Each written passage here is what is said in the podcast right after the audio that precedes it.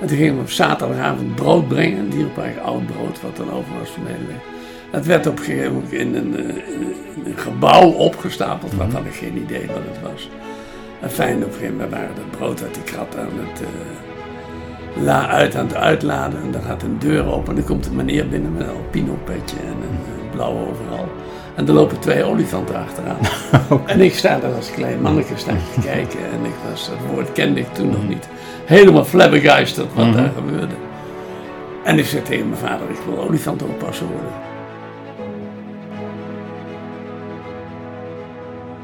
Dus waarom laat je dan als zo'n dier dan zeg maar anderhalf, twee jaar oud is... en dan eventueel uit de kudde gezet zou worden... en met mannetjes gaat dat vaak wat eerder.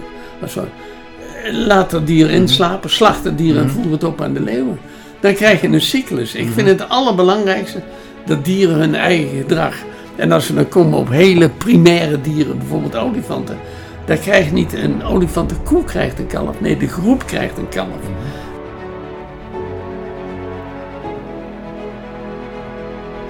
Je hoort Mario Hoedemaker, die al meer dan 60 jaar woont en werkt in Dierenpark Amersfoort.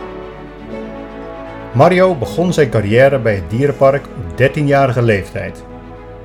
De dierencollectie was in die tijd nog heel klein. Er was maar één dierenverzorger en Mario was zijn hulpje. Samen deden ze het hele park. Enkele jaren geleden trok het dierenpark 1 miljoen bezoekers en horen we van Mario wat er in die 60 jaar is veranderd.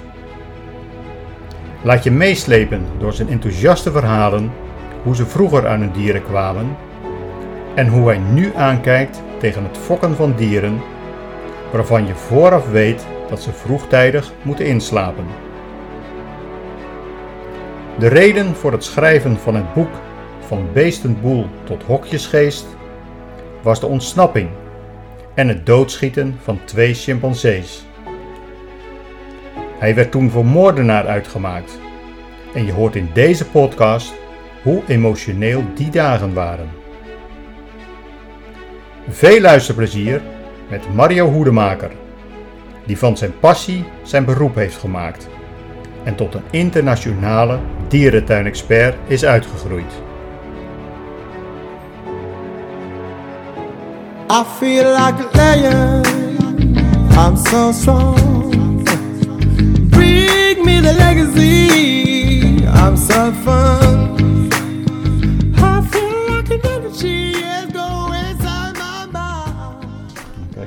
Of het goed gaat. Ik zie de metertjes zie ik al, eh, al lopen. Dus, ja. Test, test, test. Testen, test. 1, Het 2, gaat 3, 4, 5, helemaal 6, uit. 7, 8, 9, 10.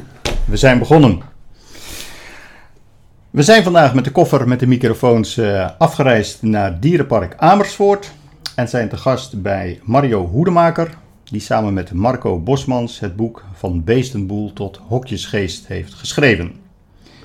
Nou, ten eerste Mario, bedankt eh, dat je de, de deuren voor mij en de luisteraars eh, hebt geopend. En zou je als eerste kunnen vertellen wat het meest bijzondere is aan de ruimte waar we nu zitten? Je vertelde al, het was de, de directeurskamer waar we gebruik van Ja, mochten maken. eigenlijk, eigenlijk is deze hele ruimte bijzonder. Dit Mhm. is een eh, ge- gebouw, dat is jarenlang, was dat het eh, café-restaurant van Dierenpark Amersfoort. Er zijn hier ook honderden Amersfoorters getrouwd. Er zijn hier honderden feesten gegeven. Maar in de eind 80 jaren, begin 90 jaren, toen, eh, toen kregen we toch steeds drukker in het park. En er lag zo'n restaurant bij de ingang. Er waren nogal veel zaken, lunches en dergelijke. Dat liep langzamerhand eh, wat terug. We kregen eh, behoefte ook aan meer eh, kantoorgebouwen. natuurlijk, als een organisatie groeit, nou ja, dan gaat natuurlijk je eigen organisatie ook groeien. Dus toen hebben we een eh, restaurant, dat heette toen het parkrestaurant De Olifant, dus tussentijd weer van naam veranderd. Dit was toen ook later, heette dit de Berenhof, café-restaurant De Berenhof. En op een gegeven moment hebben we dit dus gesloten en dat is nu kantoorruimte. En als ik me goed herinner, want ik, eh, ik woon zelf al ruim 60 jaar in dit gebouw, ik woon hierboven. Maar dit was de gang naar de feestzaal. Oké. Dus, eh, nou ja, en hiernaast was het restaurant. Achter waar nu, zeg maar, de PR en dergelijke zitten, daar was de keuken. Dus het hele... En ik moet zeggen, in de loop der jaren zijn er nog alles wat wandjes verplaatst. Ja, eh, ja. en der, dus het is, eh, het is een historisch gebouw. Het is ook inderdaad heel duidelijk herkenbaar dierenpark Amersfoort langs de weg. In de Je bocht, zag het gelijk liggen, ja. de, de weg naar Soest. Mhm. En dat kent iedereen. Het is, het is bij die, eh, je kan het rustig Mhm. rekenen tot de jonge historische gebouwen van Amersfoort. Nou, heel eervol dat we, dat we hier dan vandaag eh, mogen zitten. eh, en met- zo'n rijke historie is, is heel leuk. Nou, je vertelde al, al een kort eventjes hoe lang je al in het dierenpark hier, hier werkt. Dat is ruim 60 jaar? Ruim 60 jaar. Ruim 60 jaar inderdaad. Werk je al zo lang hier of woon je al ook zo lang hier? beide. Eh? Ik ben eigenlijk, eh, dat staat in mijn boek, staat dat ook Mhm. uitgebreid beschreven. Mijn vader had een bakkerij in Arnhem. En daar uh, hij leverde oud brood aan Burgers Dierenpark. En op Mhm. een gegeven moment gingen, dat waren die hardwerkende middenstanders uit die tijd. Die werkten 6,5, 7 dagen in de week. Mhm. En toen gingen we op zaterdagavond brood brengen. Een dierenpark, oud brood, wat dan over was van de hele week. Dat werd op een gegeven moment in een, eh, in een gebouw opgestapeld. Wat had ik geen idee wat het was. En fijn, op een gegeven moment waren dat brood uit die krat aan het, eh, la, uit aan het uitladen. En dan gaat een deur open en dan komt een meneer binnen met een alpino petje en een eh, blauwe overal. En er lopen twee olifanten achteraan. En ik sta daar als klein manneke sta ik te kijken. En ik was, dat woord kende ik toen nog niet. Helemaal flabbergeisterd wat daar gebeurde. En ik zei tegen mijn vader, ik wil olifantenoppasser worden. Hij zei, jongen, je moet een fatsoenlijk vak leren. En fijn, toen ik, ik denk alles bij elkaar, 50 jaar later... Toen kreeg ik een koninklijke onderscheiding voor mijn werk van de, voor natuurbescherming in de hele wereld. En toen zat hij vooraan. Ik zeg, en ouwe heb ik een fatsoenlijk vak geleerd. Hij stak allebei zijn duimen omhoog. En daar is eigenlijk de historie mee begonnen. Maar toen ging het vanuit Arnhem, ging ik mocht in tussentijd ook, kun je je niet, niet meer voorstellen. Als jongetje van 12, 13 jaar mocht ik daar in de weekenden en de vakantie een burgersdierenpark eh meehelpen. Dat was overigens bij de grootmoeder van de huidige directeur Alex van Hoop. En daar, eh, maar toen gingen mijn ouders verhuizen, ja, en toen moest ik eh, uiteraard mee. Als jongetje van 14 jaar. En toen kwamen ze te wonen in Bussum. Nou ja, in Bussum had ik al uitgezocht. Het dichtbijzijnse dierenpark was 21,5 kilometer fietsen. Dus dat was precies een uur van Bussum naar Amersfoort. Dat, eh, toen kwam ik hier in het dierenpark. Het enige wat ik van het dierenpark wist... dat was een, een heel groot bos met panters, had ik eens gehoord. Nou, dat bleek dus naar de hand een grote omheining... met uh, jachtluipaarden te zijn. Maar dat was mijn eerste kennismaking met dierenpark Amersfoort. Wat ik daarvan hoorde dus. En toen kwam ik de toenmalige directeur, Ome Piet Knoester, die kwam ik tegen. En ik zei, mag ik hier komen werken? Hij zei, en wat ken jij dan wel, ventje? Zo, uh, zo is dat begonnen. En toen mocht ik al vrij snel de weekenden en de vakanties. En toen was het eigenlijk al in de vakantie van het begin van de jaren zestig... dat ik hier ook mocht blijven slapen. Dat was toen een hokje achter het park. En in 61 toen gingen mijn ouders terug naar Brabant. En toen heb ik helemaal naar de bewogen om in het dierenpark te mogen blijven. En dat mocht onder uh, de toeziende oog van de directie en dergelijke. En dat is allemaal prima gelukt. En toen ben ik uh, ja, eigenlijk hier gebleven. En toen zijn we in de, de, de midden jaren 60. Toen werd er een ander huis gebouwd. Toen kwam hierboven kwam een kamertje mm -hmm. vrij. En dat is in de loop der tijd uh, verbouwd tot een prachtig woonhuis. En je beschrijft ook in je boek, als je uit je keukenraam kijkt, dan heb je ook een bijzonder uitzicht. Hè? Ja, ik kijk dan uh, op de berenrots en, uh, en de parkietenvolière. Daar zitten een 120 mm -hmm. parkieten, valkparkieten, monniksparkieten, halsbandparkieten. En die beginnen s'morgens bij de eerste ochtendgloren al te kwetteren. en ik vind dat een prachtig geluid om mee wakker te worden. Dan begrijp ik soms wel eens niet als ergens een haan in de buurt kraait. Dat mensen daar een probleem hebben. Maar ik vind natuurlijke geluiden, vind ik natuurlijk fantastisch. Mooi nou, ja, en ik woon eigenlijk ook midden in het bos. Ja, ja. Prima. Ik wil om te beginnen je twee dilemma's uh, voorleggen. Die je voor nu even met alleen of ja of nee uh, mag, uh, mag beantwoorden. En aan het eind van het interview, en ook in de loop van het interview, komen we daar dan nog uitgebreider op, op terug. De eerste. Over 20 jaar zijn er geen dierentuinen meer en hebben ze hetzelfde lot ondergaan als het circus waar ook geen wilde dieren meer optreden. Absoluut niet. Duidelijke nee. Is het hebben van dierenambulances niet hypocriet als je kijkt naar de leefomstandigheden van de dieren die wij als vlees consumeren? Uh, daar is, ik, ik zeg alleen maar uh, dat is ontzettend hypocriet. Mm -hmm. En ik wil er later wat uitgebreider op terugkomen. Helemaal goed. Nou, ik heb eerst een paar hele korte vragen om wel te controleren of we wel met een echte dierentuinman eh, te maken hebben. Ik twijfel er niet aan, maar we gaan het toch even heel kort, eh, kort testen. Hoe slaapt een giraf? Liggend. Duidelijk. Hoeveel harten heeft een octopus? Ik moet zeggen dat vissen, behalve kooikapers en winders, dat, eh, dat dat niet mijn sterkste punt is. Maar ik denk een octopus, dat die, het feit dat hij de vraag stelt, dat hij meerdere harten zal hebben. Nou, die zit al goed inderdaad. hè. Ik heb hem ook gegoogeld hoor, want het hoorde ook niet tot mijn parate kennis eh weten. Een octopus die heeft drie harten schijnbaar. Eén pompt het eh, bloed door het lichaam en de andere twee pompen het bloed naar de kieuwen. Oh, nou, weer wat geleerd. Weer wat geleerd, goed. De volgende. Komt de term hij loopt de ijsberen uit de dierentuinen en doen ze dat in het wild ook? Ehm, de, de term ijsberen en de betekenis van op en neer lopen bij je bushokje, wat, eh, wat mensen ook doen, eh, die zal duidelijk ook uit de dierentuin komen. Want er was natuurlijk wel eh, heel veel stereotyp gedrag in dierentuinen. En dat is wat de laatste decennia veel en veel minder voorkomt, omdat we veel en veel meer van dieren weten. Maar ijsberen hebben wel, zoals vele dieren, hebben wel een vaste tred, vaste wandelpaden en dergelijke. We kennen bijen die leven in een volk. Dat is eigenlijk algemeen, eh, algemeen bekend. Maar bestaan er ook eenzame bijen? die Jazeker. in een eentje leven. Ja. Maar ik geloof dat er alleen in Nederland al 26 verschillende soorten bijen leven.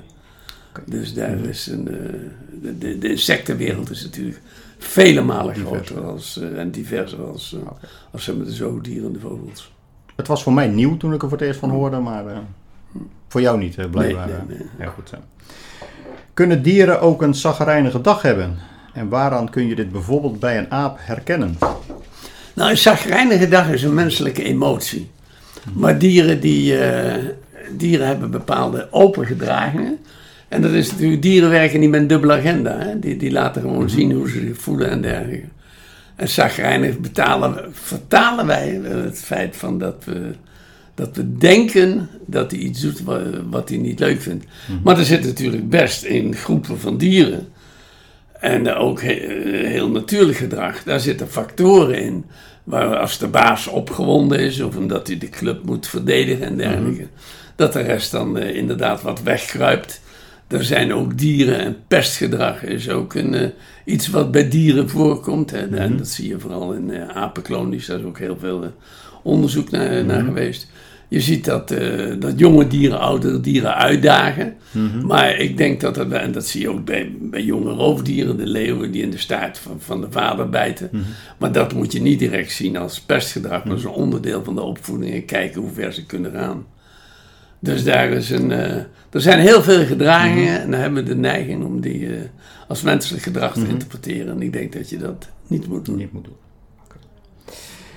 Kun je de luisteraars vertellen hoe dat je, beginnen we maar zo'n 60 jaar geleden, nog aan nieuwe dieren kwam voor het, voor het park? Ja, heel simpel. Die kocht je overal. Iedereen, eh, kijk, er bestond geen CITES-wet. eh, er was geen, geen wet beschermde dieren. En iedereen die een beetje lef had, die, eh, nou ja, die zocht wat contacten wereldwijd. En of dat nou Afrika of Zuid-Amerika was. eh, tot zelfs eh, in, in Rusland toe. En daar, daar waren mensen die dieren vingen, die dieren stroopten. Die de ouders van een bruine beer doodschoten. En dan die jongen dan oppakte en trachtte te verkopen aan dierentuinen of circussen. Er werden vogels uit de nesten gehaald en dergelijke. Dat was gewoon een vrije handel. En daar heb ik ook nog heel veel van meegemaakt. En ook heel veel ernstige gevolgen van gezien. En ik ben echt blij dat dat allemaal eh, aan banden is gelegd. Wil niet zeggen dat het probleem opgelost is hoor. Want er is nog een enorme stroperijprobleem en een illegale handel in, eh, in dieren. En hoe zeldzamer ze zijn, hoe meer mensen die willen verzamelen, dat willen hebben en dergelijke. Maar in dierenparken en dierentuinen komt het niet meer voor. En nou, dat is ook zo. Kijk, er zijn in, eh, in, de, in de wereld er zijn eh, ruim 10.000 dierenparken. We hebben hier in Europa hebben de Europese organisatie, de EASA. En dat is een vereniging van ruim 400 dierentuinen die samenwerken op allerlei gebieden. Veterinair, PR, huisvesting, human resources, dierverzorging, onwillekeurige volgorde. En die hebben de afspraak gemaakt. Wij doen niets meer wat illegaal is. Wij importeren geen dieren uit landen van herkomst. Wij hebben onderling hebben fokprogramma's. En wij, eh, wij ruilen niet uit, maar we wisselen uit. Bij ruilen moet je altijd iets teruggeven. En dat is in die internationale dierentuinsamenwerking bij de EASA. Waar ook zo'n organisatie overigens in Amerika is. Daar, eh, daar doen we dat absoluut eh, niet meer. Maar er is nog een hele handel, want je zou er versteld voor zijn. Wat er wekelijks op Schiphol nog aankomt op het gebied van vogels en vissen. En ook zo dieren die nog vrij verhandeld worden. Ja. Dan staat er in je boek ook een overzicht van de prijzen die handelaren in 1973 eh, hanteerden. Ja. Het verbaasde mij dat een leeuw, en dan reken het even om naar, naar euro's, eh, in de tijd maar 1400 euro kostte. Terwijl voor een gorilla, die moest al 103.000 euro eh, opbrengen. Ja, dat is eigenlijk niet zo vreemd. Kijk, leeuwen, dat zijn als je die eh, zeg maar goed huisvest en voedt, dan, eh, dan hebben leeuwen geen enkel probleem met, eh, met voortplanting. Dus daar, wij- er waren ook in, eh, in Europa, waren in die, eh, zeg maar, in die jaren, er waren ook echt leeuwenfabrieken die heel veel leeuwen fokten. En die werden gewoon verkocht aan circussen, aan andere dierentuinen, aan particulieren. Ik heb zelf ook in mijn jeugd, eh, nou ik denk 7, 8 leeuwen bij particulieren weggehaald. Was een hondenfokker en die kocht dan bij een dierenhandelaar, bijvoorbeeld Van Dijk in eh, Tilburg. Was helemaal niks mis mee. Die kocht een leeuw, want die had toch wat hokken staan. Die vond het wel leuk. Nou ja, en als die leeuw dan eenmaal volwassen was, dan, eh, ja, dan kreeg je wel eens het probleem dat hij eh, wat sterker verblijf nodig had. Ja, Maar er staat in mijn boek bijvoorbeeld ook een foto met een, eh, met een leeuw. En die, die kwam, daar kwam de directeur s'avonds ook een keer mee thuis en zei: Breng hem maar groot. Die had hem van de circus meegekregen voor wat. ja. Nou, die hebben dus allemaal heel erg groot gelaten. Zouden we tegenwoordig allemaal niet meer doen. Het zijn totaal Andere inzichten. Ja, en die prijzen van de gorilla's, dat was natuurlijk daar. eh die gorilla's die werden. eh, zeg maar, de ouders werden doodgeschoten in, eh, in Afrika. De jongen die werden wat ervan in leven bleef. Dat werd, nou ja, in leven gehouden, dat werd verkocht. Dat heb ik later ook begrepen. Dat ging ook nog vaak via missionarissen en dergelijke. Die daar er werkten. En die hadden dan inderdaad weer contacten met dierenhandelaren. En daar waren natuurlijk dat soort dieren, die waren vrij zeldzaam. Want het, eh, zeg maar, het, eh, het, het overlijdenspercentage was natuurlijk al sowieso heel hoog. Moet je je voorstellen al dat de stress van zo'n... eh, van zo'n moeder die doodgeschoten wordt, zo'n jong wordt daar afgepakt. Nou ja, of die wel of niet wil eten. Heeft hij nog melk nodig van zijn moeder en dergelijke. Dus het, en op een gegeven moment, als hij te klein was om te overleven, dan ging hij ook de pot in, dan werd hij opgegeten. Dus daar, ja, daar werd mede de prijs voor be- bepaald. Nu heeft het hoofd van de neushoornverzorgers in Blijdorp, die heeft je in de tijd nog wel eens voor een, eh, voor een fout eh, behoed. Toen jullie in Amersfoort een, eh, een nieuw neushoornverblijf Ja, gingen, gingen openen. Kun je nog vertellen hoe dat, dat ging? Ja, dat was eigenlijk een heel simpel verhaal. Dat is tegenwoordig overigens nog steeds een, een goede collega van mij, Martin van Wees. Is ook nu wat ouder, heeft ook adviserende rollen in dierentuinen. Wij kregen op een gegeven moment... Ik was een keer op bezoek in Blijden voor een vergadering. En toen riep een van de verzorgers, Mario, kom eens kijken. En eh, er was een, eh, een jonge Indische neushoorn eh, geboren. Eh, en een jonge Indische neushoorn kun je het beste beschrijven als... eh, je had, eh, vroeger had de, dokter en de dierenarts die hadden zo'n vierkante leren ja. koffertje. Mhm. Nou, en zo, dat is ongeveer het lijfje van een neushoorn. Vier pootjes, kopje en een staartje. En dan heb je een jong neushoorntje. Die moeder was heel erg rustig, dus ik zat er op mijn hurken bij dat jongen een beetje te, te spelen. Toen komt de toenmalige directeur eh, Tom Dorrestein, die kwam aanlopen. Hij zei, maar wat ben jij een overloper? Je bent toch al met olifanten bezig? Want ik zei, nou, dit vind ik zo schattig. En fijn, wij zitten twee jaar later zitten wij in de bus met een gezelschap van dierentuindirecteuren. En toen gingen we naar de wereldtentoonstelling in Hannover. En eh, toen komt Ton, die komt naast me en zei, wij hebben toen dus over die... eh, ik zag je toen bij dat neushoorntje zitten, dat mannetje, dat is nu eh, oud genoeg kan naar een andere dierentuin. Heb je daar belangstelling voor? Ik zei, oh, oh ah, nooit over nagedacht en geen accommodatie of niets. En fijn, toen kwam er een heel mooi eh, verhaal. Ging op... begon toen, toen de toenmalige, want dat ging allemaal ook via stamboeken, de EASA en EEP werkte al.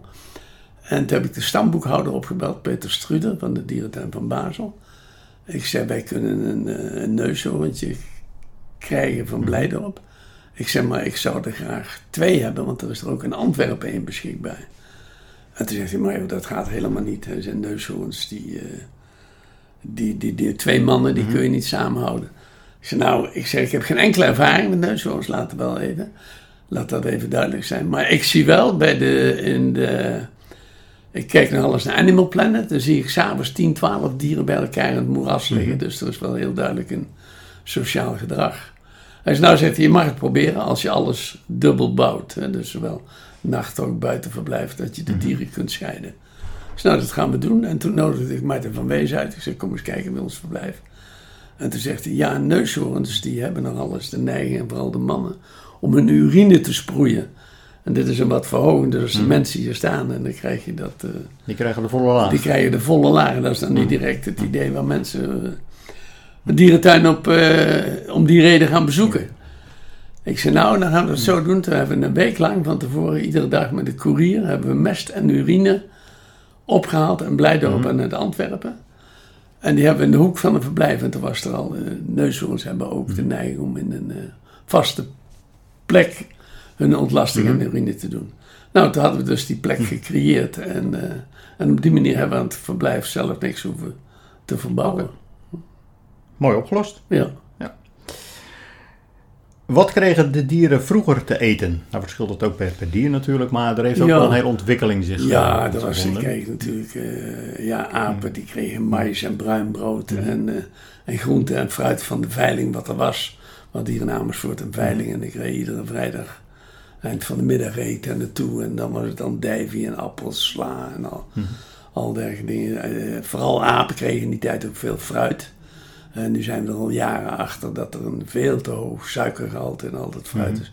En uiteindelijk zijn apen natuurlijk ook heel veel die, die meer groente eigenlijk als, eh, als fruit eten. Dus dat is in de loop der jaren met heel veel onderzoek ook, eh, zijn we tot andere conclusies gekomen. En dat is natuurlijk ook wat, wat we nu met, met olifanten zien. Die hadden vroeger of hooi of gras. Nou ja, tegenwoordig krijgen de olifanten heel veel takken. We hebben heel veel contacten met, met de wilge, wilgesnoeigroepen. En dat komt bijna het hele jaar door, krijgen we verse takken. Dus het hele, het hele eetpatroon is totaal veranderd. Vroeger kregen roofdieren, die, eh, die kregen vlees als ze naar binnen gingen. Nou, de dieren gaan niet meer, nu niet meer naar binnen. Ze gaan naar binnen en naar buiten. Ze mogen 24 uur per dag zelf uitzoeken wat ze willen. Maar omdat we natuurlijk de binnen- of de buitenverblijven schoon maken, hebben we nu bijna al onze dieren met protected contact. Een soort eh, zeg maar, conditietraining met een fluitje. Waardoor ze even naar binnen komen, doe je de deur dicht, kun je het buitenverblijf schoonmaken. Dus het hele aanbieden van voer is ook in een totaal ander, eh, ander beeld gekomen. Oké. Waar gaat de meeste mest naartoe? Want er zal best eh, over zo'n hele dag in het Ja, dierenpark. eh, het, het- het gaat over tonnenmest. Dat is, eh achter heeft iedere dierentuin zijn eigen oplossing voor. Wij hebben jarenlang eh, hebben we hier de mest, eh, die werd opgehaald door de gemeente, die werd door de hele stad eh, allerlei plantsoenen en dergelijke gebruikt. Toen hebben we jarenlang hebben we het ook bij boeren hier uit de omgeving eh, gebracht. Hadden wij eigen mestkarren. En tegenwoordig hebben we ondergrondse containers en die worden één keer in de week worden die leeggehaald met een grote kraan. Kun je van de andere kant ook realiseren wat de kostenfactor dat ook geworden is. En die, eh, dat wordt leeggehaald en dat gaat eigenlijk naar een champignon, champignonkwekerij. Waar het weer eh, vermengd wordt met andere stoffen. Dus uiteindelijk als je een flinke champignon in de winkel tegenkomt, heb je redelijke kans dat die op een keutel van een olifant en dierenpark Amersfoort gegroeid is. Als de smaak maar goed is, Ja. we dan. eh. Ja. Je beschrijft het ook in je, in je boek, 3 november 2020, eh, de zwartste dag ooit voor, Ja. het, eh, voor, voor het dierenpark. Nou, misschien kan je in eigen bewoordingen vertellen wat er die dag gebeurde. Ik woon hier, ik krijg een telefoontje van, van een van het management. En die zegt, maar joh, eh, binnen blijven de chimpen zijn los. Nou, ik ben 50 jaar verantwoordelijk eh, geweest voor de, voor de collectie en het welzijn en de veiligheid. En dat is eigenlijk, denk ik, voor misschien wel voor 99% van alle mensen die verantwoordelijk zijn voor een dierencollectie en de chimpansees in hun collectie hebben. Dat is de ergste nachtmerrie die je kan overkomen. Kijk, en, eh, ik wil niet zeggen als een leeuw of een beer los is dat dat ongevaarlijk is. Maar daar kun je dingen mee doen.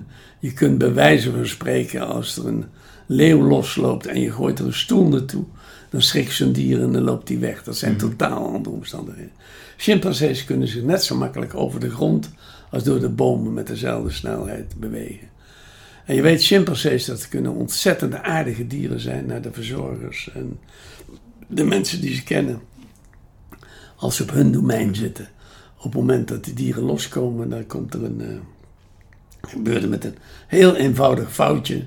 De ene verzorger zegt tegen de andere: van, Is die deur dicht? En die zegt ja, en die bedoelde een andere deur. Dus uh, chimpansee is heel nieuwsgierig van aard. Er liepen er vier naar buiten en twee liepen weer terug naar binnen en de deur kon dicht gedaan worden. En die twee die liepen los, ja, die gingen binnen, binnen enkele minuten toch een uh, enorm macho gedrag vertonen. Heel imponerend en alles en iedereen negeren. Ja, en dan sta je hierboven en dan hoor je twee schoten. En dan weet je dat, ik zit zelf ook in het uh, veiligheidsteam, het schuttersteam van Dierenpark Amersfoort. Dan weet je dat er, uh, nou ja, dat een schot is met dodelijke afloop.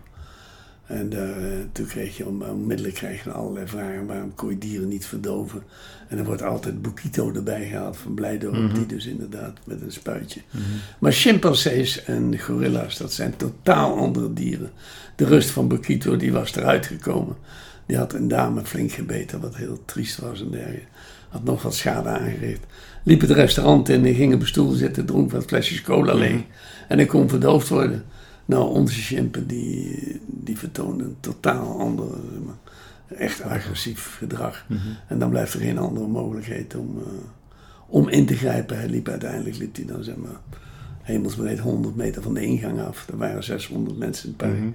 Die moesten geëvacueerd worden. En ik kan alleen maar gigantisch respect hebben voor de manier hoe het was. In binnen 10 minuten was alles geregeld, zoals mm -hmm. je het dan met een woord zegt. En dat, uh, maar het was natuurlijk een, uh, een, dier wat ik persoonlijk al 52 jaar kende. Mm -hmm. Heel veel lol, heel veel respect voor had. En dat is pijnlijk, dat is heel pijnlijk. Ja. En toen was het nog veel pijnlijker dat de volgende dag stonden hier mensen voor de deur met lelijke moordenaars. En dat, uh, dat, dat sneed me door het hart. Mm -hmm. dat, daar werd ik eerst heel boos om. En na de hand toen heb ik ook gedacht, ja waarom zeggen die mensen dat, waarom doen die mensen dat? En toen heb ik gedacht, misschien zijn we wel onvoldoende open, weten mensen niet allemaal wat er in een dierenpark gebeurt. Mm -hmm.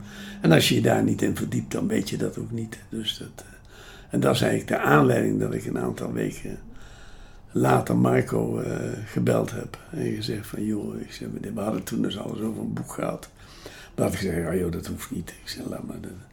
Ik zei, nou, ik zeg, ik wil er toch eens wat, uh, wat meer over kwijt. Mm -hmm. En toen zijn we gaan praten en overleg met de directie en de verzorgers en dergelijke.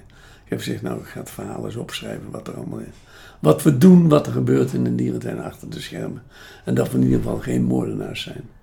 En dat is de reden waarom dit boek... Uh, en ik denk ook dat dat wel gelukt is om dat inderdaad in, in het boek goed naar voren uh, te brengen. Want je krijgt inderdaad een, een kijkje achter de schermen zoals, ja. het, zoals het vroeger ging en zoals het nu ook, uh, ook, ook ging. Dus wat dat betreft heeft het wel wat, wat duidelijkheid geschapen, vermoed ik.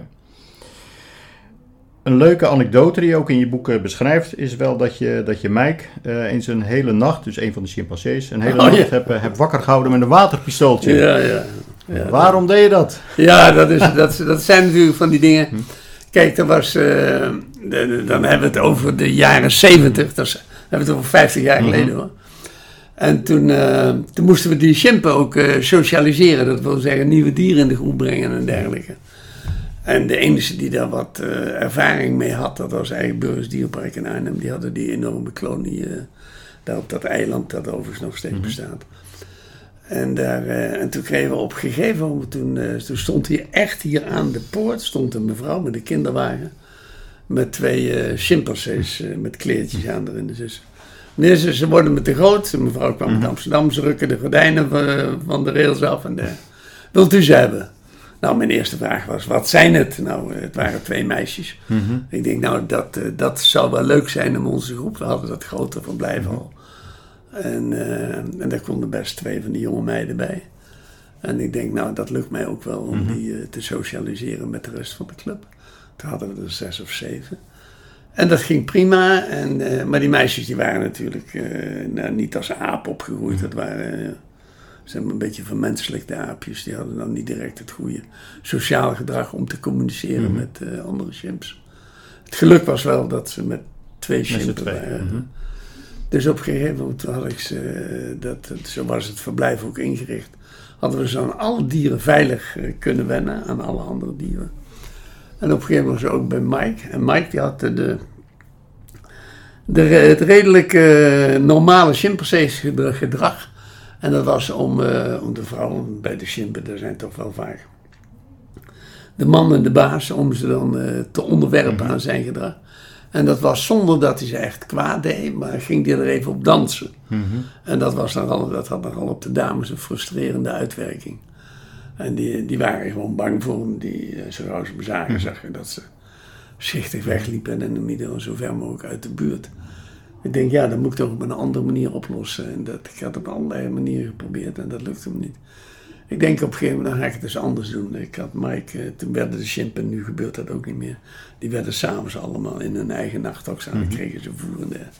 En Mike was, eh, nou ja, wat veel mensen, maar veel apen ook erg leuk vinden, lekker eten. Dus ik had Mike volgestopt met bananen en fruit en al dergelijke dingen meer. En die wou net op dat moment uitgebreid op zijn lichtplank, eh, op zijn bedplank eh, gaan liggen slapen. Het was eh, prachtig weer in de zomer. Het was bijna net zo warm als nu. Denk. ik. Denk, wacht even, vriend nou niet. Dus hij ging slapen, dan had ik een klein waterpistooltje en een paar druppeltjes water. Hey, wakker blijven. Dat hebben we de hele nacht eh, gedaan, wakker gehouden. De volgende morgen, vier uur, het werd licht. Dus morgens kregen de chimpen pap. Mike hield ook erg van pap. Dus eh, Mike kreeg pap zoveel als hij lustte. Normaal kreeg hij een liter. Ik geloof dat hij 2,5 of 3 liter op had. Dus toen was hij A, doodmoe en helemaal, Helemaal verzadigd. Dus heb ik hem naar buiten, in het buitenverblijf gelaten. En eh, ik liep buiten om te kijken wat hij doet. En hij ging onmiddellijk als een papzak naast zijn schuif. Viel echt doodmoe in slaap. Toen heb ik die twee meiden erbij gelaten. Nou, hij had geen enkele behoefte om erachteraan te gaan. Maar nu konden die meisjes naar hem toe komen. Hè, omdat hij zo'n eh, zo'n zeg maar, zo'n rustig gedrag had. En dat is een volledig onbiologische wijze van dieren bij elkaar brengen. Maar het heeft uitstekend gewerkt. En allebei de meiden zijn later vele malen moeder van, de, van hem geworden. Dus het resultaat was in ieder geval prima. In 2001 kreeg je, toen je hier 40 jaar eh, werkzaam was van het dierenpark, een, een stichting eh, Ja. aan, eh, aangeboden. de Mario Hoedemaker Elephant Foundation. Kun je daar wat meer over vertellen, over die, die stichting? Ja, ik was in, dat was in 2001. Ik was in de jaren 80. Was ik voor de eerste keer naar Sri Lanka geweest. En dat land, dat boeide me enorm. en vooral de manier waarom, waarop ze met olifanten omgingen. De natuurbescherming vanwege het boeddhisme stond in hoog aanzien. Er werd met olifanten gewerkt. Eh, er was een, ook een redelijk natuurbeschermingsplan. Er waren veel, eh, veel nationale parken waar dieren goed beschermd werden. Er werd uiteraard ook wel wat gestroopt. En het andere verhaal was ook dat die, eh, bij dat werken, maar dat die olifant ook een rol speelde in de religie. Hè? Met tempelolifanten en dergelijke. Moet ik zeggen, in de jaren tachtig denk ik nu allemaal volledig anders over. Maar dat, eh, dat maakte nogal indruk. Ik ben altijd een enorme liefhebber geweest van de relatie met mens en dier. En als ik nog steeds een, een kind van een jaar of tien met een herder eh, zie lopen, dan denk ik, wat ongelooflijk. Dat zo'n herder die zo sterk is en zo'n eigen wil heeft. En eh, dat zie je met kinderen op een paard ook, dat zo'n paard luistert naar zo'n kind. En, en dat, dat sprak mij ook enorm aan in dat, in dat olifantenverhaal in Sri Lanka. En, daar, en toen heb ik me ook eh, eigenlijk van toen af aan, eh, zeg maar, was eigenlijk mijn hele idee met, eh, met inderdaad, zoals je naar het gedrag van olifanten kijkt. Denk, nou, daar moet ook veel meer over bekend worden. En daar konden we hier in Dierenpark Amersfoort, konden we dat ook een, een mooi plaatsje geven. De bescherming van de dieren, het respect voor de dieren en dergelijke. En, daar, nou, en toen was ik 40 jaar in de zaak en toen kreeg ik een cadeautje. Nou ja, en wat geef je aan iemand die eigenlijk volledig tevreden is? Waar ik zelf nooit aan gedacht had. Toen kreeg ik een stichting. En met die stichting, dat, eh, we hebben natuurlijk als dierenpark nogal wat zakenrelaties en zelf ook wat relaties. Toen was achter mijn rug om, was dat helemaal geregeld. Dus toen kreeg ik die stichting en daar stonden meteen vele duizenden euro's op de rekening. En toen eh, teruggegaan naar Sri Lanka. En daar eh, in contact gekomen met een Jayante Jawardene. Dat was een, een gepensioneerde theeplanter met heel veel belangstelling voor de natuur. En die behandelt eh, nog steeds mijn belangen Mhm. op eh, Sri Lanka. We doen allerlei natuurbeschermingsprojecten, onderwijsprojecten. En eh, nou ja, en we hebben onderzoek naar olifanten. En dat, dat werkt nog steeds.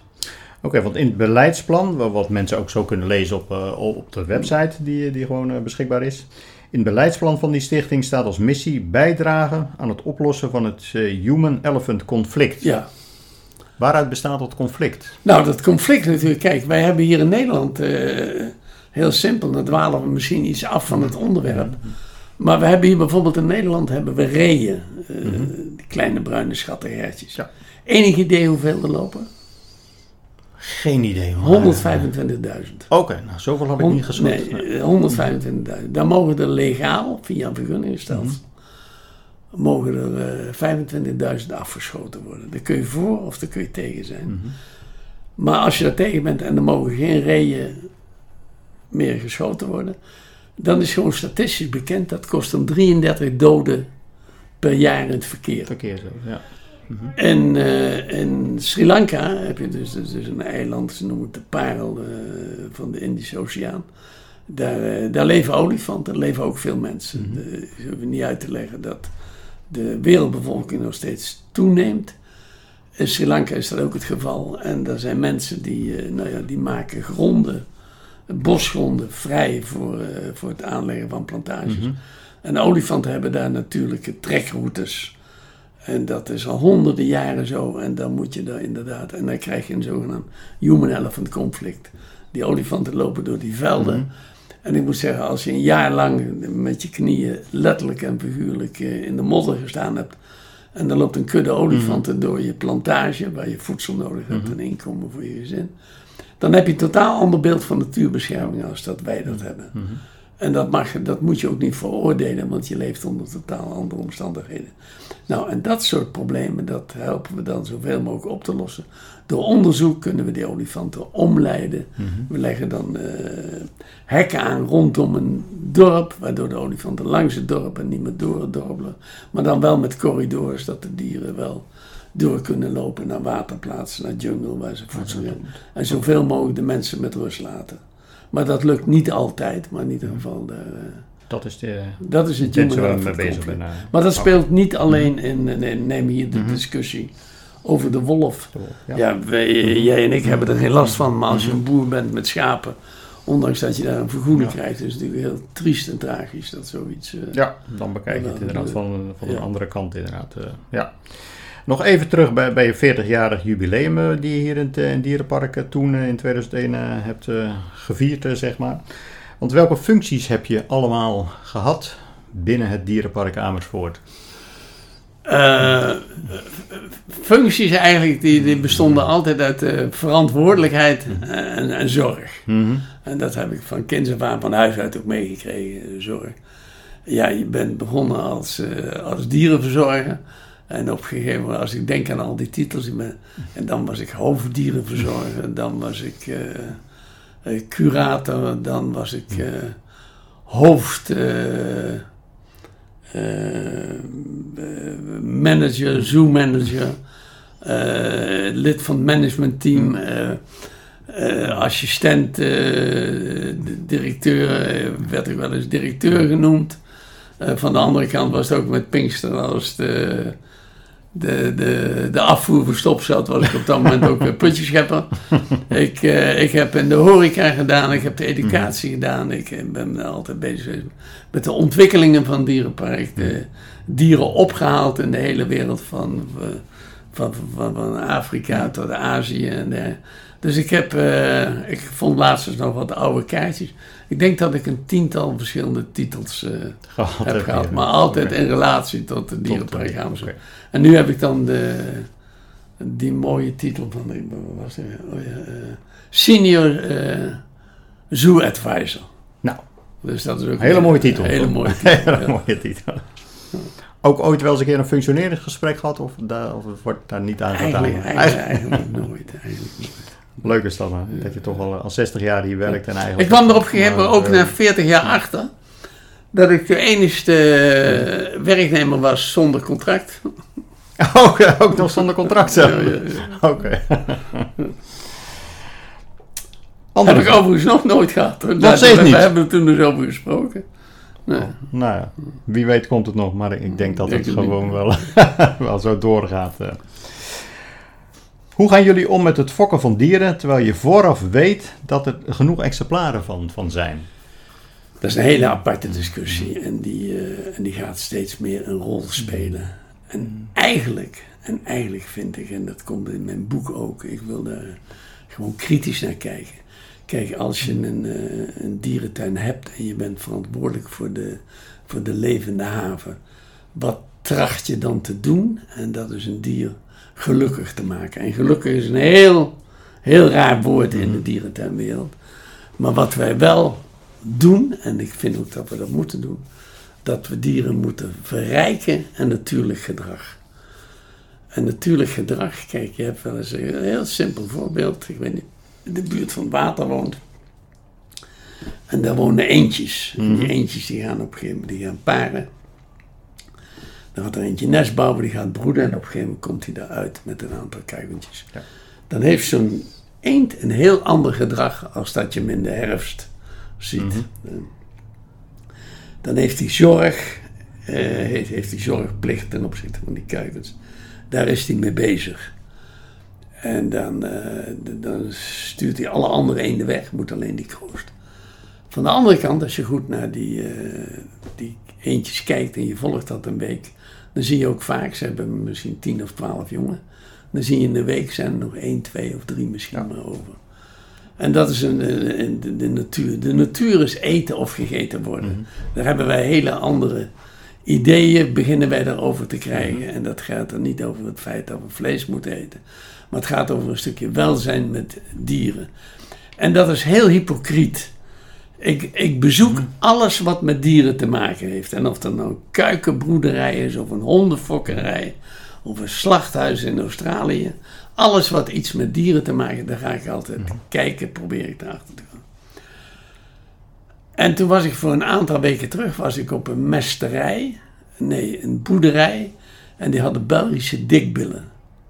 En dat zijn die koeien met die ja. enorme kont. Er wordt geen enkele dikbil op een natuurlijke wijze geboren. Die worden allemaal via de keizersnee worden die gehaald. En daar staat er een bord bij. En dan zie je die koeien eigenlijk. Het zijn eigenlijk mismaakte dieren met die enorme. Ze kunnen niet, niet spontaan hardlopen. En, zo. en, eh, en niet dat ik daarop bezwaar. Dat is iets wat we met z'n allen ook gecreëerd hebben. Maar ik vind iets zorgvuldiger naar kijken. Dat is, eh, dan kun je het hebben over hondenfok. En, eh. en, daar, eh, en daar staat dan een bord bij. deze koeien worden goed verzorgd. En hebben een goed leven gehad. En dan, krijg je een, dan krijgt u een eerlijk stukje vlees. En dan denk ik, als ik dat vergelijk met dieren in de dierentuin. En of je nou een zebra of een olifant of een giraf kijkt. Dan, eh, wij kunnen op het ogenblik, wij kunnen, en dat doen wij ook, heel goed voor dieren zorgen. Wij kunnen dieren gezond houden, ze krijgen de juiste voeding. Ze krijgen op grote gebieden de juiste sociale verhoudingen. Wat er is. En een van die dingen van dat natuurlijke gedrag, dat hoort daarbij dat die dieren jongen krijgen. En eh, geef je dieren, laat je die geen jongen meer krijgen, dan krijg je bij apen krijg je bananenmachines. Daar gaat eh banaan in, er komt poep uit en verder is er niets, geen spontaniteit meer in het leven. Op het moment, en dat heb ik duizenden keren waargenomen, op het moment dat dieren jongen hebben, is het totaal ander gedrag. Zijn ze actief naar de omgeving, verdedigen een jong, spelen met een jongen. Die jongen spelen onderling. Maar in de natuur, als je daar eens verder naar kijkt, en je kijkt bijvoorbeeld, ik weet niet of je het geluk hebt gehad om ooit in Afrika geweest te zijn, Nee. dieren in het wild, dan weet je dat eigenlijk maar eh, eh, 15 tot 20 procent wordt een jaar oud. Die rest van de dieren wordt voor die tijd opgegeten, eh, eh, gaat dood door andere omstandigheden, verongelukt enzovoort. Dus leven en dood is een heel natuurlijk verhaal. Daarom vertel ik dat die moeder eend, die gaat niet als ze vijf kuikentjes heeft zitten treuren van, oh, dan ben ik vijf van mijn kinderen kwijt.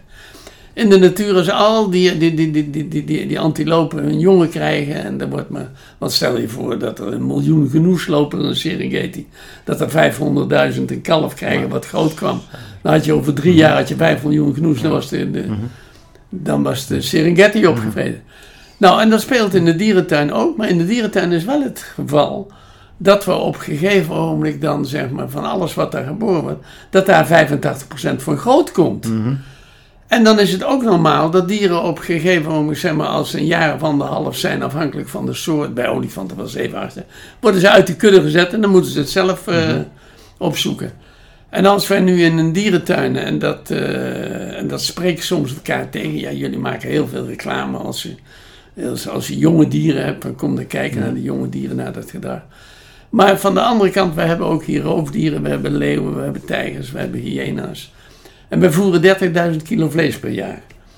En dan zouden we op een gegeven moment zeggen, er mag geen jonge giraf meer geboren worden, want die komen er te veel van. Er is surplus in dierentuinen. Je kunt niet in alle dierentuinen zomaar 50 giraffen zetten. Dus waarom laat je dan als zo'n dier dan zeg maar anderhalf, twee jaar oud is... en dan eventueel uit de kudde gezet zou worden... en met mannetjes gaat dat vaak wat eerder. Als we, eh, laat dat dier inslapen, slacht het dier en voer het op aan de leeuwen.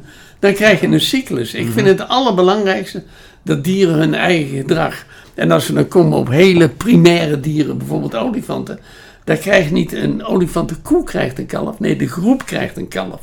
En als wij op een gegeven moment, omdat we er zo goed voor kunnen zorgen dat we een overschot aan olifanten krijgen en daardoor een fokstop, dan neem je heel veel van de dieren weg.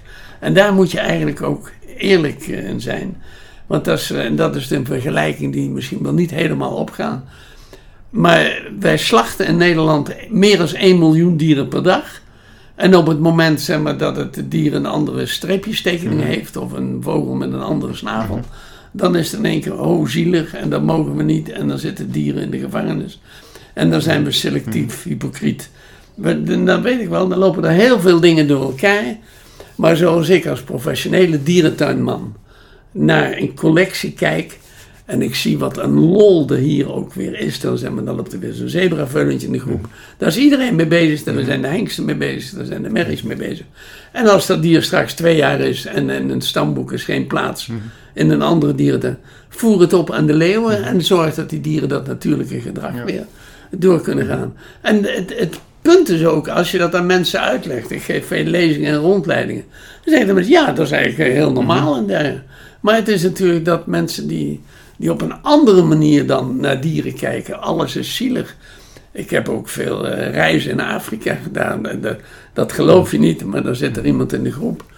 En die staan, dan staan we naar een groep impala's waar 30 jongen te lopen. En dan worden er echt vaak. Zou zo'n diertje ook een naam hebben? En dan denk ik. Ja, goed, laat maar. Maar, eh, maar, zeg maar zo wordt er ook vaak naar dieren gekeken. En ik vind als je ook in, in, in apengroepen en, en als je daar jongen in hebt en je krijgt daar een veel meer natuurlijk gedrag, wat we een primair gegeven vinden. Dan eh, de opmerking was, ik weet niet, je zal je ongetwijfeld nog herinneren, dat is nu denk ik jaren 15 geleden, dat Marius, die beroemde giraf in Kopenhagen, die werd, eh, die werd eigenlijk geslacht voor de ogen van het publiek om te laten zien. En daar, eh, daar werd een enorme ophef van gemaakt. En daar kwam, dan moet ik erbij zeggen, de professor Dr. Jan van Hoof, een hele beroemde etoloog. ja.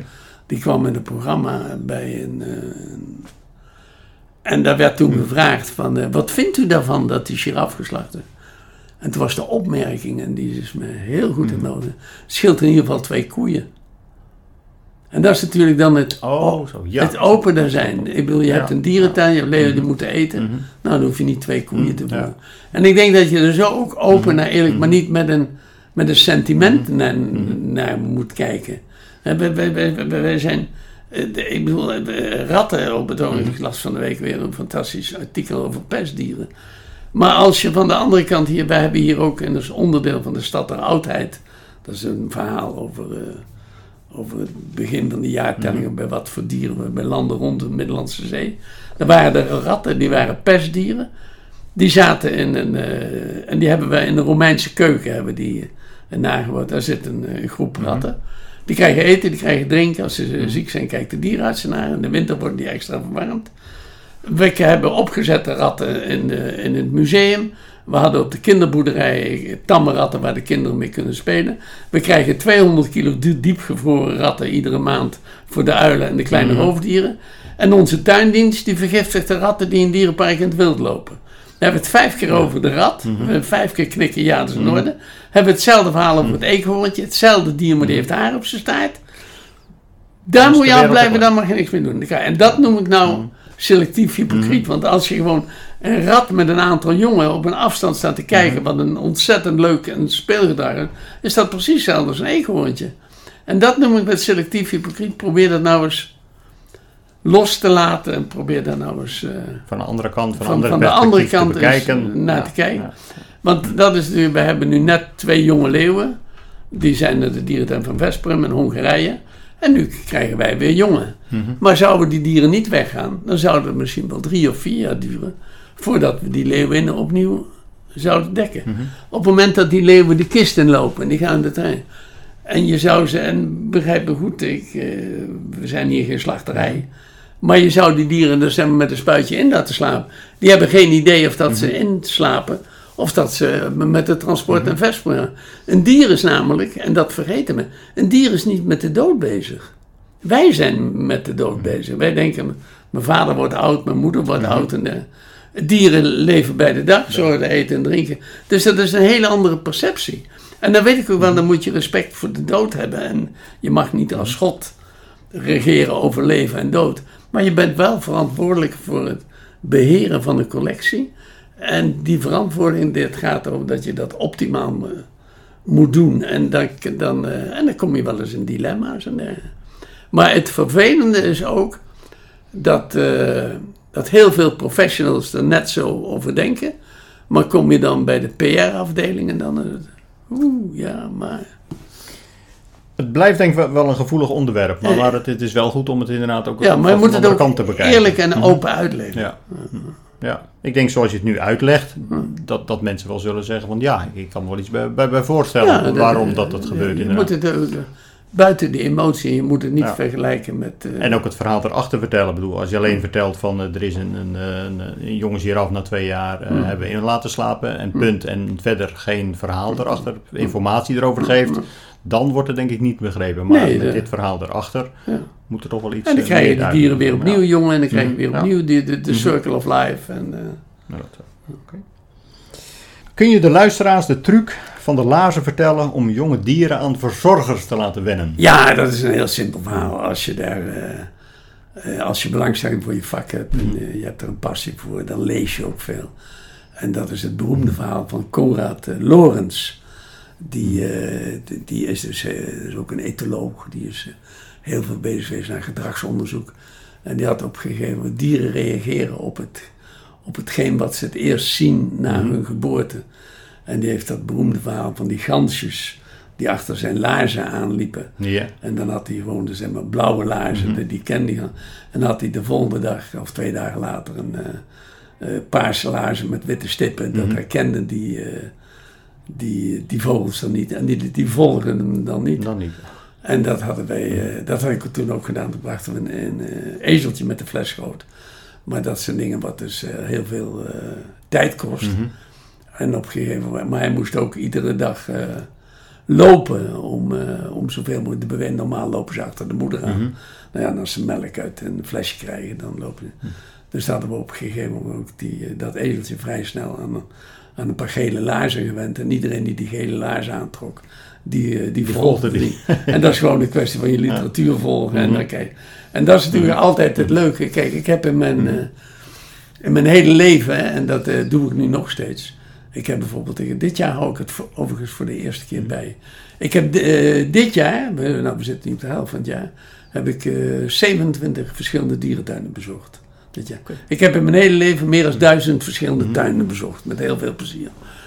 En als je daar, eh, en al die tuinen bezoekt, en daar, daar wonen ook hele creatieve mensen die met dingen bezig zijn. En dan ga je, eh, ik vond bijvoorbeeld een prachtig voorbeeld, flamingo's staan nog alles op één been, één poot. En kinderen die willen dat dan ook. En wat is dan eenvoudiger om dat neer te zetten? Hoe lang kan jij dat? En dan hang je gewoon een iets grotere stopwatch Ik denk dat je die voor, voor 1375 bij, EA, bij Ikea kunt kopen. En druk op die knop en dan inspireer je kinderen om te kijken van eh, hoe lang kunnen wij op één been staan. Dan zijn ze met die, met die flamingo bezig. En dat is natuurlijk, ik heb in de loop der jaren zoveel bijzondere dingen in dierentuinen gezien. En die, eh, en die tracht ik dan op een, eh, zeg maar op een, eh, op, op een hele speciale manier na te maken in, eh in dierenpark. Ik herinner me een verhaal, ik had een verhaal gelezen over dat giraffen, dat als die bij bepaalde bomen blaadjes eten, dan verzuren die blaadjes, dat ze niet in bomen helemaal kaal eten. Want dan verbrandt die boom als er geen blad meer in zit. En die lopen eigenlijk van boom tot boom. En toen denk ik, God, we zouden bij onze giraffen, daar is ook een 100 meter lange loper, die zouden we ook van plek naar plek moeten laten lopen.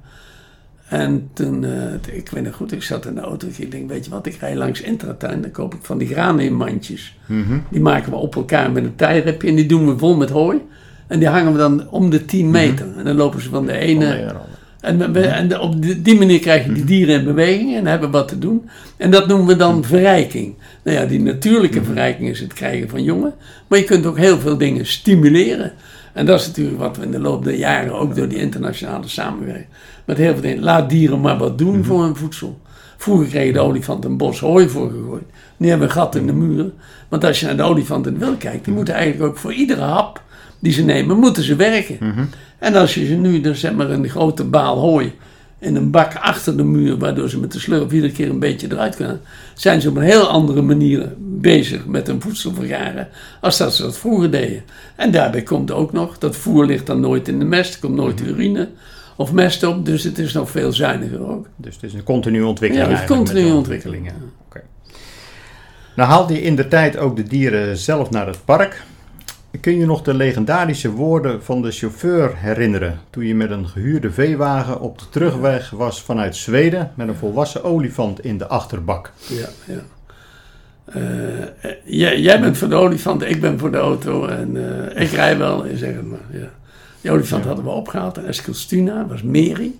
Helaas niet oud geworden, hadden aangeboren uitafwijking. Maar dat wisten we toen nog niet. En die, eh, die hadden we in Eskilstuna, die hadden we in de, in de auto geladen. Dat ging prima. En eh, toen we hadden we wat moeite. Die, dat verblijf lag een beetje in een gat. En toen hadden we wat moeite om daaruit te komen. Dus er werd een paar keer op en neer gestoken. Eh, dat wilde zeggen met een vrachtwagen voor en achteruit gereden. En die olifant die was er wat zenuwachtig van geworden. En wat ik toen niet wist, wat ik nu allemaal heel anders zou doen. Ik had eh, vier kettingen, hadden maar vier kettingen met voldoende ruimte vastgezet.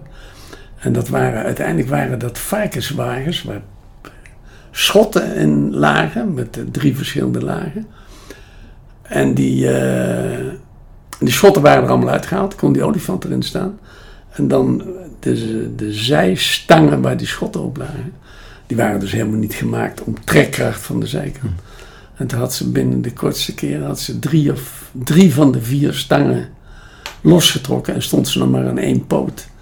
En ik denk, oei, dat is levensgevaarlijk. En ze was in de tussentijd ook veel onrustiger geworden als toen we erin eh inladen. En eh, toen stond ze nog aan één poot. We hebben een plank weggehaald. Aan de zijkant van die auto. Die ketting daar doorheen getrokken aan het chassis. Dan kan ze in ieder geval nooit los in die wagen komen te staan. Toen zijn we in één stuk door van Eskilstuna via de boot hier naar Amersfoort eh, gereden. En toen had ik eh, Henk Vis aan de telefoon. Zei hij, de pers staat klaar. Ik zei, nou dat zou ik me niet doen. Want eh, ze heeft zich wat oppervlakkig beschadigd. en dergelijke. En fijn, we kwamen hier naar een rit van ik denk 48 uur. de chauffeur was kapot, ik was kapot, de olifant was kapot. We doen de deur open. En ze was weer net zo lief als toen we erin laaiden. Toen hebben we er weer uitgeladen. Maar dat was een dramatische rit. dat zijn dingen die je nooit meer vergeet. Nee, nee, nee. Nee, maar zo zijn er tientallen van die, van die soort- situaties. Eh, Ook heel veel van, eh, van vreugde hoor, laat dat duidelijk zijn. Ja. Vrij recent, op, op 6 juli, hebben jullie de, de olifanten matriarch, hè, de Ja. leider van de keun, de War- Warwar, moeten laten inslapen. Ja. Hoe verloopt zo'n proces van rouw bij de rest van de kudde olifanten? Ja, dat hebben we ook, eh, en daar kregen we heel veel positieve reacties op. Dat hebben we ook eh, vrij recent ook op de site van Dierenpark Mhm. ook meegedeeld. En eh, er was, s s'nachts zijn de verzorgers er ook bijgebleven. En dat is gefilmd en dat hebben we ook op de, gewoon op YouTube gezet. Mhm. En daar mensen mee laten. Het dier krijgt dus een spuitje waar ze eigenlijk wordt een beetje sloom. Gaat liggen, krijgt nog een spuitje, slaapt in. We zijn er, eh ze had al jaren last van artritis. Dat konden we, en dat is echt eh, pijnlijk Mhm. voor die dieren. Kon je aan alle, eh, alle kanten zien en die, eh, ja, die doseringen werden steeds meer verhoogd. Op een gegeven moment moet je daar eh, eerlijk, als je verantwoordelijk bent voor een collectie, Mhm. heeft te maken met beheren van de collectie. Moet je zeggen, tot nu, eh, tot zover en niet verder. Dier slaapt in, gaat liggen en de hele familie die komt van, hé, hey, waarom, eh, waarom lig je, waarom sta je niet op? Dus er wordt wat zachtjes tegenaan Mhm. geschopt. En op een gegeven moment dan, eh, dan krijg je dat onnatuurlijke gedrag. Dat is net zoals een paard met een veulen. Als een veulen niet opstaat, Mhm. niet om te drinken en om te volgen, dan verliest moeder na een aantal uren de belangstelling. Zal er wel een keer teruggaan, afhankelijk van de leeftijd van het veulen. En dat gebeurde bij die olifanten Mhm. ook. En dan is het een heel natuurlijk eh, Dan hebben ze eigenlijk afscheid een genomen. rustig proces Mhm. en dan lopen ze daar. Mhm. En je kon een Indra, de oudste dochter, die kon je ook eh, merken. En gisteravond viel het me weer op. Het, het is niet maar, eh, het is maar een dag of tien geleden, twaalf dagen geleden.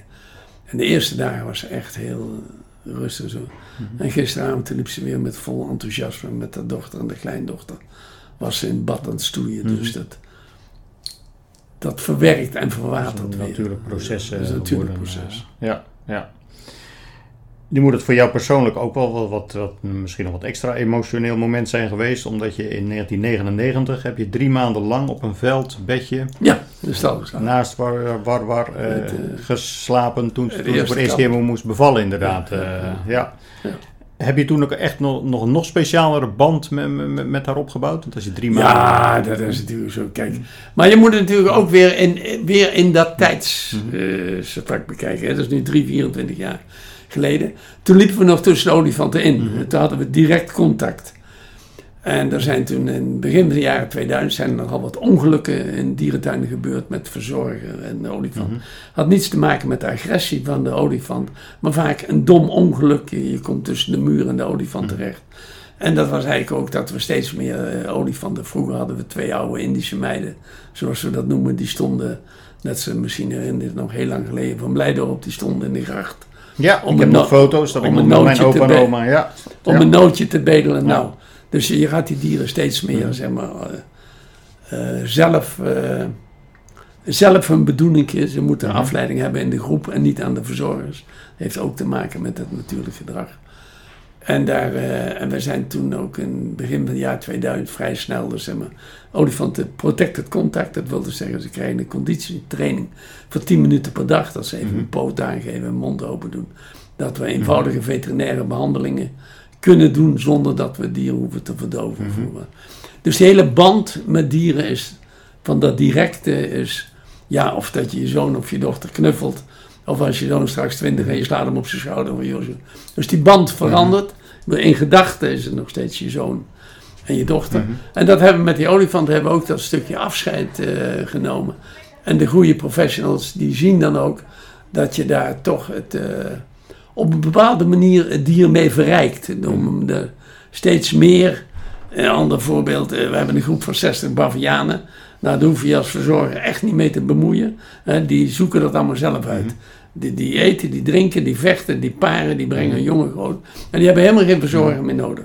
Nou, en dat, dat is wat we in dat olifantenverhaal ook zoveel mogelijk doen. Dus je creëert een afstand voor jezelf. En als je dat dan met de goede ogen bekijkt, dan is dat alleen maar heel verrijkend. En dat geeft jezelf nog wel steeds dat prima gevoel. Want het is natuurlijk wel zo dat, eh, daar was ik ook altijd, eh, ben ik nog heel trots op, dat we dus vier generaties hadden lopen. Dus zeg maar, overgrootmoeder, grootmoeder, moeder en dochter. En daar, daar zijn we nu de oudste generatie maar kwijt. Ja. Maar van de andere kant hebben we ook weer die lijn, die komt ook wel weer terug. Maar ja, dan ben je weer 10, eh 10 15 jaar verder misschien. Want je noemde het net al eigenlijk. Ik bedoel, er heeft natuurlijk een hele ontwikkeling in, in hoe dat je tegen de dieren aan bent gaan kijken. Hun, hun leefomgeving hebben jullie al over verteld. Hè? Dat, dat dat ook enorm eh, veranderd is. En welke rol speelt educatie heden ten dagen? Primair. Primair. Dierentuinen, dat laat ik ook in mijn boeken. Dierentuinen hebben veel te weinig verteld wat voor educatieve rol ze spelen. Hè, dat, dat, kijk, we hoeven niet van iedere bezoeker een bioloog te maken. Maar je moet wel tevreden de dierentuin uitgaan. Dat je zegt van hé, ik heb dingen gezien die ik anders nooit gezien heb. Dus de presentatie van een dierentuin, prachtig voorbeeld, vrij recent geopend. De kleine pandarots in, eh, in eh, Blijdorp. En als je dat dan ziet, dat hoe we vroeger de kleine panda alleen in één boompje hield, wat ook al heel goed is. Maar hoe verrijkend dat nu werd. En nu, je gaat naar die panda op zoek. We hebben dat Himalaya gebergd en dan kun je, ja, nu is de temperatuur een beetje hoger. Maar in de winter, als ze daar straks in de sneeuw lopen, dan krijg je ook gevoel voor, dat, eh, voor de natuurlijke omgeving. En dan denk je ook van, eh, ja, voor zo'n dier moet plaats blijven in de, in de natuur. Eh, en dat is die educatieve rol.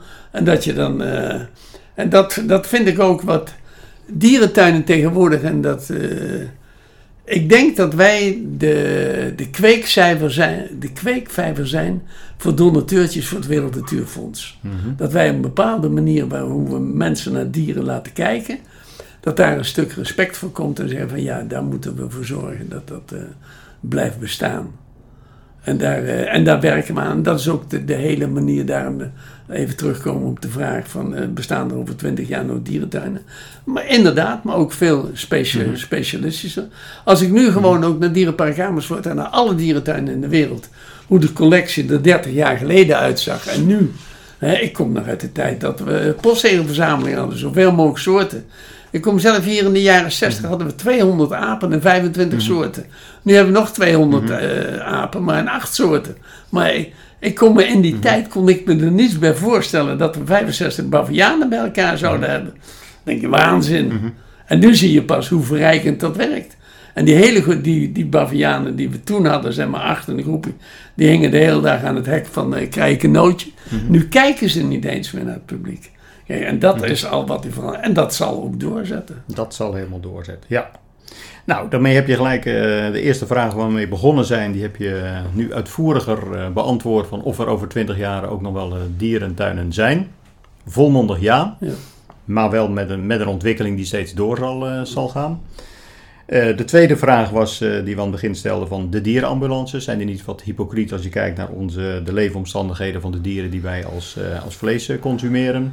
Ja, ik Heb zou, je eigenlijk ook al wat over gezegd? hè? ja, ik zou het eigenlijk iets verder door willen trekken. Ik ben in de gelukkige of de ongelukkige omstandigheden. Ik doe nogal wat hulpprojecten in de hele wereld. En, eh, in Sri Lanka, en Congo, Zuid-Afrika. Congo ben ik nauw bij betrokken bij een stichting die mensen en dieren helpt. En als ik kijk naar een stad als Kinshasa, met 11 miljoen inwoners, waarvan misschien wel 98% leeft van een halve dollar per dag. En ik zie hier dan, eh, zeg maar, ik zal de naam niet noemen, een, eh, een stichting met een fotootje op televisie van ik weet niet hoeveel dure busjes. En wij helpen een reiger met een gebroken poot. En ik vergelijk dat met Congo, waar ik eh, op een gegeven moment bij een aantal zusters op bezoek was. Nou ja, op bezoek, de, de, daar kwamen we wat spullen brengen. En iedereen in Nederland kent wel een couveuse, waar een kindje in ligt. Ja. En je ziet daar in die couveuses, er tien op een rij, waar overal acht of tien kindjes in één couveuse. Als een aantal konijntjes liggen. Dan breek ik met het idee, wat voor toekomst hebben die kinderen? Dat is mijn beeld dan. Dan denk ik, wat moeten die kinderen straks? En als ik dat vergelijk bij de miljoenen die geïnvesteerd worden om een reiger met een gebroken poot of een reetje met de fles groot, dan leven we in een wereld met hele rare verhoudingen. Ja. En dat vind ik eh, pijnlijk om te constateren. En, eh, en, en, en als ik dan ook wel eens iets zie van eh, een, een, een leeuw uit een of ander Oostblokland met een afgebeten staart en broodmager. En daar gaan zich in Nederland dan instanties zich opwerpen om, zo'n dier, om via zo'n dier geld binnen te halen. Dan denk ik, doe, dieren, die, doe het dier recht en geef het een spuitje en laat het inslapen. Een dier in zo'n conditie, wat heeft dat voor zin? Daar moet ik, uh, daar, daar moet ik gewoon dan eerlijk in zijn als ik daar naar kijk. Dat, en dat is niet dat ik een harde ben, Mhm. maar ik kijk gewoon naar de realiteit. Nou, voordat we nog even een, een mooie locatie op het park gaan zoeken om met eh, de Gouden Graal koffiemok op de foto eh, te gaan, heb ik altijd een, een vaste slotvraag in, eh, in mijn eh, podcast. Ligt misschien ook een beetje in de lijn eh, van, van die antwoorden net. Maar wat zou je eerste beslissing zijn als je morgen minister-president van Nederland zou worden? Je vertelde, je hebt, je hebt geen arbeidscontract met Dierenpark Amersfoort, dus het zou kunnen. Maar een theoretische vraag, ik bedoel, wat vind je zo belangrijk? En als je echt meer macht zou hebben als een minister-president, wat zou je als eerste doen, op de agenda zetten? Ja, eh, ik volg de kranten, hoor. er gaat nogal wat over crisissen. Maar als ik nou eh, gewoon. eh, Eigenlijk in mijn ogen in, in een zo'n prima overgeorganiseerd land als Nederland. Ik heb ook veel belangstelling voor architectuur en organisaties en hoe dingen zich ontwikkelen. Dan begrijp ik niet dat in een land als Nederland, dat zeg maar de mensen in Groningen die dan jaren zitten wachten. En inderdaad, dat, eh, dat verhaal van die kinderen die uit huis geplaatst zijn. En de, de mensen die op een lijst staan omdat ze een andere achternaam hebben en daardoor op hele vreselijke manieren gekort zijn. Waarom kan dat niet in drie maanden opgelost zijn? Want ik heb zoveel respect voor Nederland, mag iedereen ook denken wat hij wil. Maar hoe we zo'n corona, hoe iedereen, ik ben zelf vier keer, ik zal met mijn leeftijd te maken, vier keer gevaccineerd. En hoe fantastisch dat georganiseerd was, dat je een briefje krijgt. Je kunt daar naartoe, je gaat bestoelen en dat wordt... Maar waarom kunnen dan dat soort dingen waar mensen dan maanden, zo niet jaren mee bezig zijn, waarom, waarom kan dat nou niet opgelost worden? Ik bedoel, wij hebben hier even dan de vragen... Wij hebben hier een dierenpark, we hebben een organisatie we zijn met dingen bezig.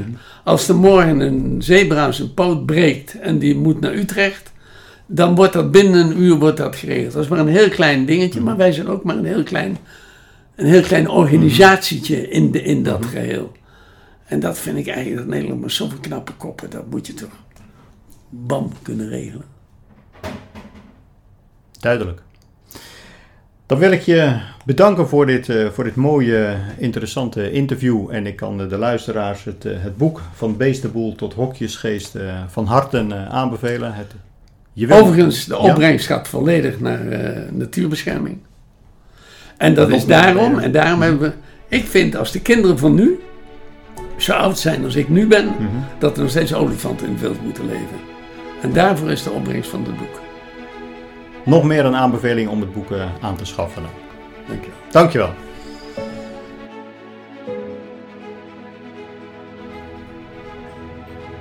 Toen ik begin 2020 startte met het maken van podcasts, wilde ik interessante en bevlogen mensen ontmoeten die een bijzonder verhaal te vertellen hebben. Met dit interview met Mario Hoedemaker is dit wederom gelukt. Voor de geïnteresseerden staat in de show notes de link naar het filmpje waarin de olifantenkudde afscheid neemt van de leidster van de kudde. Voor nu bedankt voor het luisteren en tot de volgende aflevering van de Gouden Graal podcast.